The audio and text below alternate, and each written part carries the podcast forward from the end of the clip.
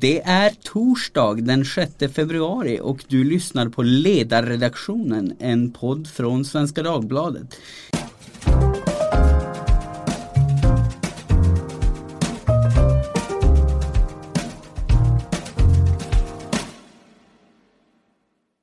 Jag heter Jesper Sandström och idag ska vi prata om apatiska flyktingbarn. Vi har ju pratat om ämnet tidigare i podden men igår publicerade magasinet Filter ett avslöjande reportage eh, till. Eh, och det handlar om den Oscarsnominerade dokumentären Life Overtakes Me eh, som handlar om just apatiska barn. Filter menar att ett av de tre fallen som visas i filmen är simulering. Det handlar om den sjuåriga flickan som kallas Nadja. Intervjuer med en familj som stod flickan nära vittnar om att flickan har lärt sig att spela apatisk och att föräldrarna lovade henne en resa till Disneyland om hon spelade med. När familjen sedan fått uppehållstillstånd i Sverige med hänvisning just till flickans uppgivenhetssyndrom så tillfrisknade hon snabbt. Eh, Filters reportage är en uppföljning från i höstas då tidningen publicerade intervjuer med två tidigare apatiska barn som berättade om hur de hade tvingats spela. Eh, men hur kan en dokumentär som är så dåligt underbyggd nomineras till en Oscar i just den kategorin? Och varför har ingen reagerat tidigare? Med mig för att diskutera det här har jag avslöjandets huvudperson Ola Sandstig, journalisten bakom Filters reportageserie.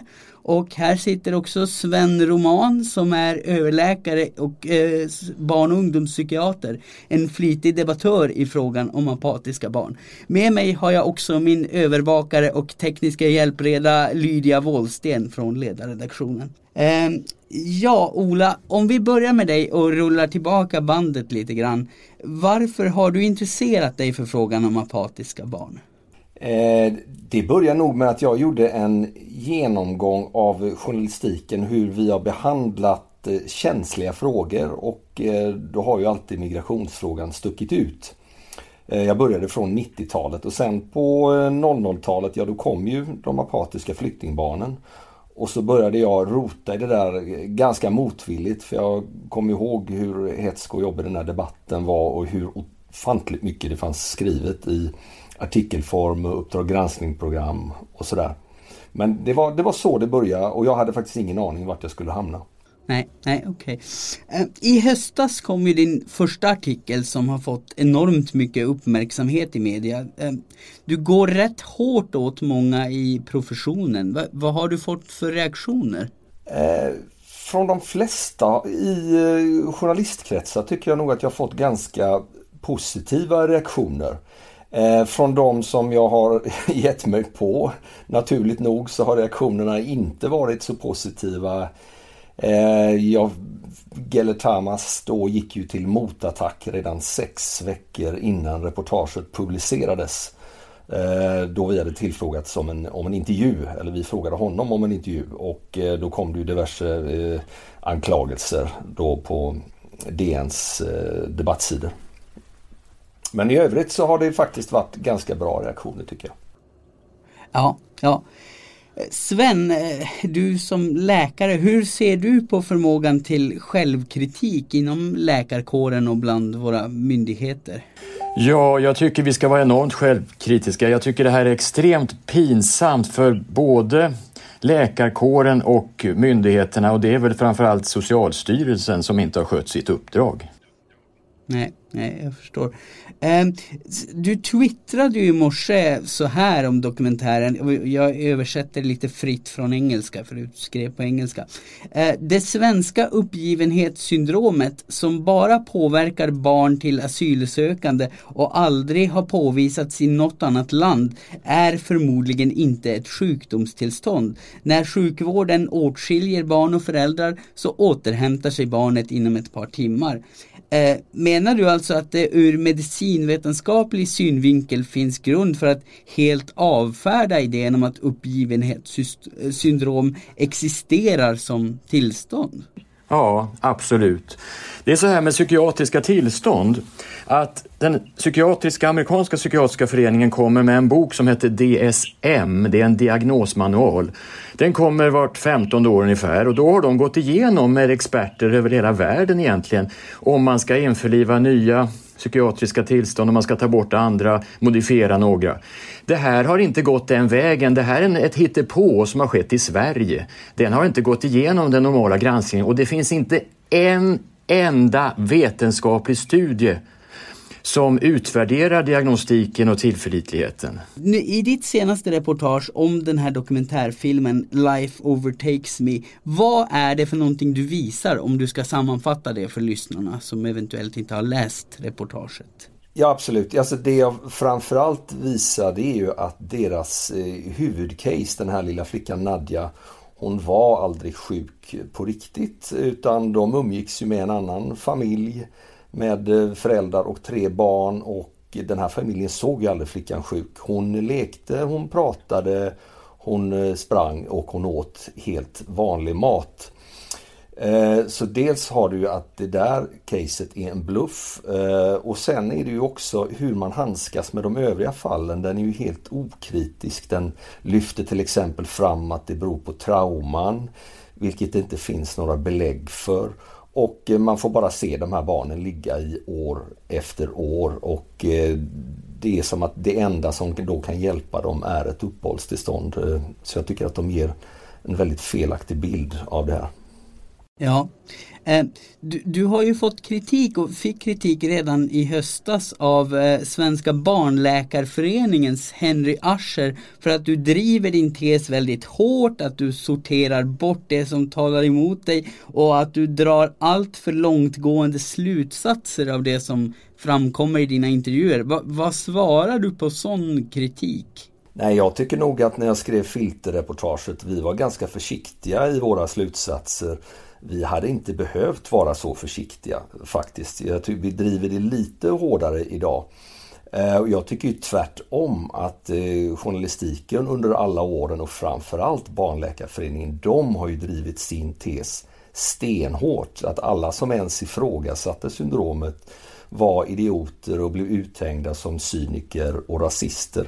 Så jag skulle nog vilja ställa den frågan tillbaka till Henry Ascher i så fall. Ja, ja jag förstår.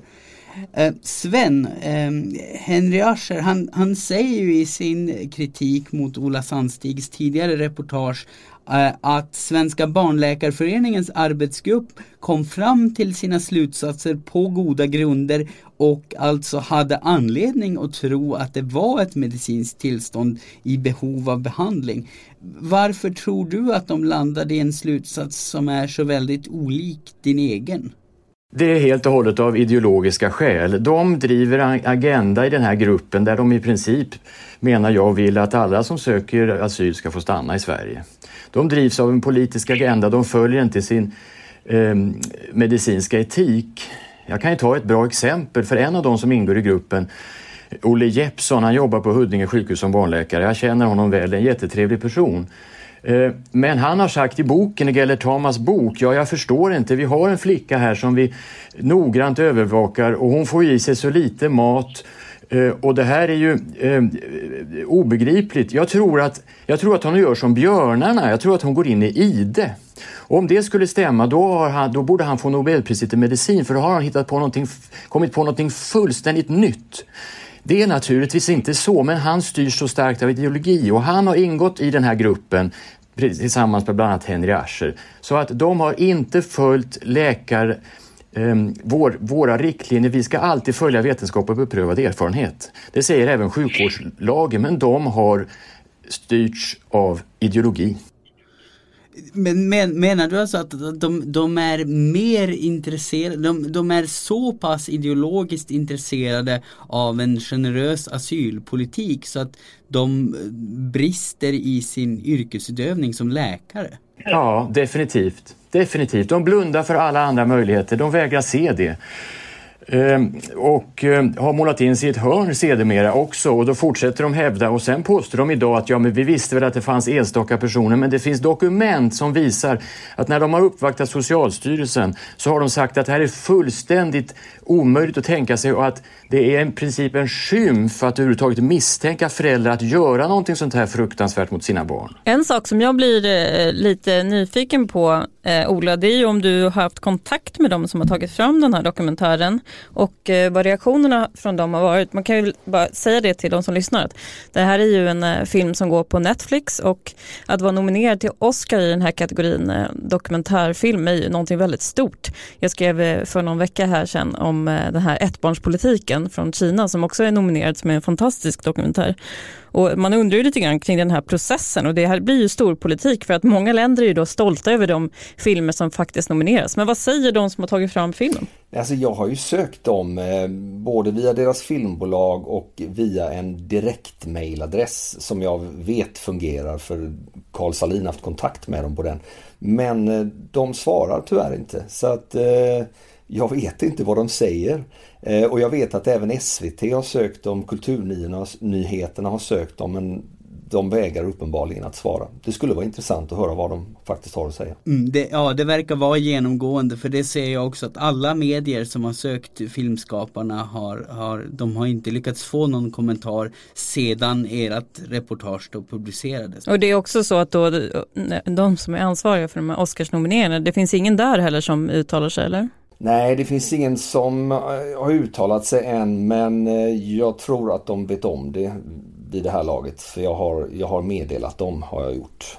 Så får vi väl se vad, vad som händer. V vad, vad tror du konsekvenserna av det kommer bli? För det är ju ett, ett rätt allvarligt avslöjande att ett, en film som har tagit sig så pass långt som att bli Oscarsnominerad bygger på falsarier.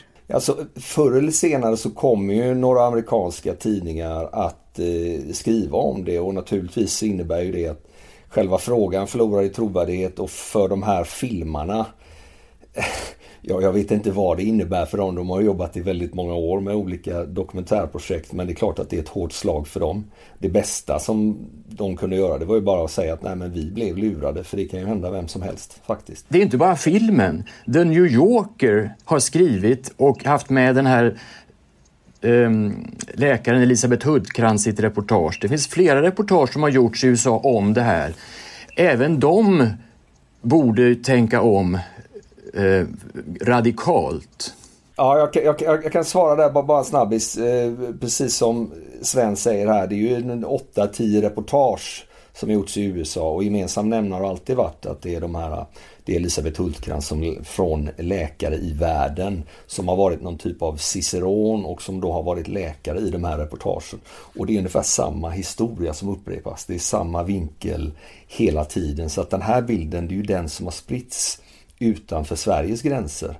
Det är Buzzfeed, det är Radio Canada, det är Al Jazeera och så vidare. Ja, och, och, och det, har inte, det har inte kommit några kritiska röster till tals där. Eh, de har inte hört av sig till dig exempelvis.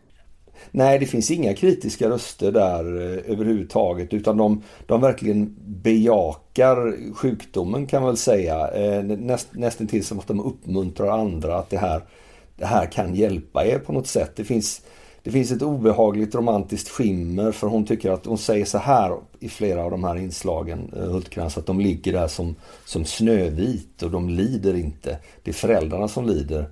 Eh, och jag tycker det är en galen ja, om jag reflekterar över det, alltså om du förlorar två, tre år av ditt liv så kommer du ju lida för det förr eller senare. Och jag gör en reflektion också att då kan det uppstå det här som heter copycat, att man kopierar. Och det är, extremt, det är väldigt vanligt med psykiatriska tillstånd att man kopierar. Så att man sprider ju någonting på det här sättet. Och det var ju så det gick till i Sverige också, därför att det här spred sig via media. Det var så mycket som skrevs om det här. Det spreds via media när det här började för 20 år sedan. Och det gjorde ju att familjerna fick reda på att det här var ett sätt man kunde ta till. Mm, mm. Ja men alltså varför tror ni att sånt här händer? Liksom, varför får vi en situation där, ja men dels där föräldrar landar i att göra så här mot sina barn men också att medier bara okritiskt lyfter fram det och inte, inte ställer de här kritiska frågorna. Om du börjar svara Ola. Ja, eh, alltså om man går tillbaka på till 90-talet så har ju journalistiken kring migrationsfrågor alltid sett så här ut. Alltså den har varit väldigt aktivistisk. Eh, man, man lär sig som journalist att man ska ta den svages parti och då blir det naturligt att man tar flyktingens parti. Så det har varit en typ av kampanjjournalistik redan på 90-talet. Och när då de apatiska barnen kom så blev det någonstans naturligt att eh, journalistkåren tog parti för hela familjen och kunde inte riktigt tänka sig att men vänta nu, de här föräldrarna kanske utnyttjar sina barn för att få uppehållstillstånd. Eh, lite i början så resonerar man kring det. Jag vet att Svenska Dagbladet gjorde en del kritisk journalistik. Men sen, ja då blev det som det blev att alla köpte den här linjen att detta är en livshotande sjukdom och det enda som hjälper det är ett politiskt asylbeslut helt enkelt. Då. Ja, nej, men som förälder är det väl väldigt rimligt att förstå att eh, man är rationell och om det är så mycket som står på spel då, då finns en möjlighet och då, då verkar det i alla fall vara så att man tar den möjligheten. Ja. Och som barn är man ju väldigt utsatt. Jag menar Anna Hitt som eh, Ola intervjuade i första reportaget som har varit i många medier. Hon vittnar ju om just det här hur det går till och att man maler ner och man hotar på olika sätt. Eller lockar som i det här andra fallet att man ska åka till Disneyland. Och jag vet att jag rekommenderade den här serien förra gången, men om man vill förstå psykologin, alltså det ömsesidiga beroendet som finns mellan föräldrar och barn. Det behöver inte vara så att alla föräldrar är onda heller, utan det finns ju liksom också ett, eh, ett ömsesidigt beroende i de här situationerna. Så finns det ju en serie på Netflix som heter The Help, som verkligen på ett briljant sätt, som också bygger på en verklig historia i USA, visar hur en mamma på olika sätt kan tillskansa sig bidrag men också sympati genom att eh, långsamt mala ner sin dotter och till slut vet hon ju inte vad som är sant och inte. För jag menar, hur du blir behandlad kommer ju också att påverka hur du ser dig själv. Men intressant i det här fallet med de apatiska flyktingbarnen det är ju att det är ett ganska specifikt svenskt fenomen. Och det verkar också vara så att det har varit väldigt få personer som har varit liksom, styrande i den här debatten. Det har hängt på väldigt få människor och det, det, det gör ju problemet eh, svårare så att, säga, att granska internationellt för vad ska man veta? Det finns översättningsproblem, bara en sån sak som språklig förbistring, väldigt toppstyrt liksom, från liksom både Socialstyrelsens sida och också Barnläkarföreningen och sådär. Men frågan är varför fanns det inte fler kritiska röster? Sven, du har väl varit kritisk liksom ända från början? Nej men alltså, det, det, jag vill först bara kommentera att, jag, att jag tror absolut att, att vi har haft en speciell mentalitet och inställning till asylsökande i Sverige. Vi har sett dem som offer och eh, vi har haft dåligt samvete. Det är ungefär lite grann som det här med könsdysforin idag där vi, har, där, vi, där vi har dåligt samvete för transpersoner och så får de diktera villkoren. Det är lite samma andas barn och det är en form av identitetspolitik i det här och det är inte bra. Jag jag, var själv i en position så jag var blivande specialist och det gjorde att jag aldrig vågade gå ut med mitt namn. Därför att det var så extremt infekterat. Jag var också på en arbetsplats som var speciell så att vi fick ju munkavle på oss där. Vi hade ju Göran Bodegård, barnläkare, som uttalade sig och ville lägga in alla de här barnen i slutenvård och gå på tvärs med alla övriga eh, BUP i hela övriga Sverige. Och då gick vår högsta divisionschef ut och sa att ingen får uttala sig i media. Vilket han ju inte får säga för vi har meddelarfrihet. Men, och det gjorde att jag vågade inte gå ut. Eh, om, och, och då är jag en ganska person som är inte är så rädd för att säga vad jag tycker. Men kan du inte vara självkritisk då om du tänker på vad det här har gett för orsak för de här barnen? Jo, men jag kan säga att jag hade inte varit kvar då. Eh, jag, jag hade flera barn själv och jag hade inte varit kvar som läkare inom BUP i Stockholm tror jag. Faktiskt. Därför att jag tror inte jag hade fått tillräcklig stöttning från annat håll. Som ST-läkare, det är så hierarkiskt sjukvården och som blivande specialist, alltså ST-läkare, så har man inte den pondusen. Så det tror jag hade blivit tufft.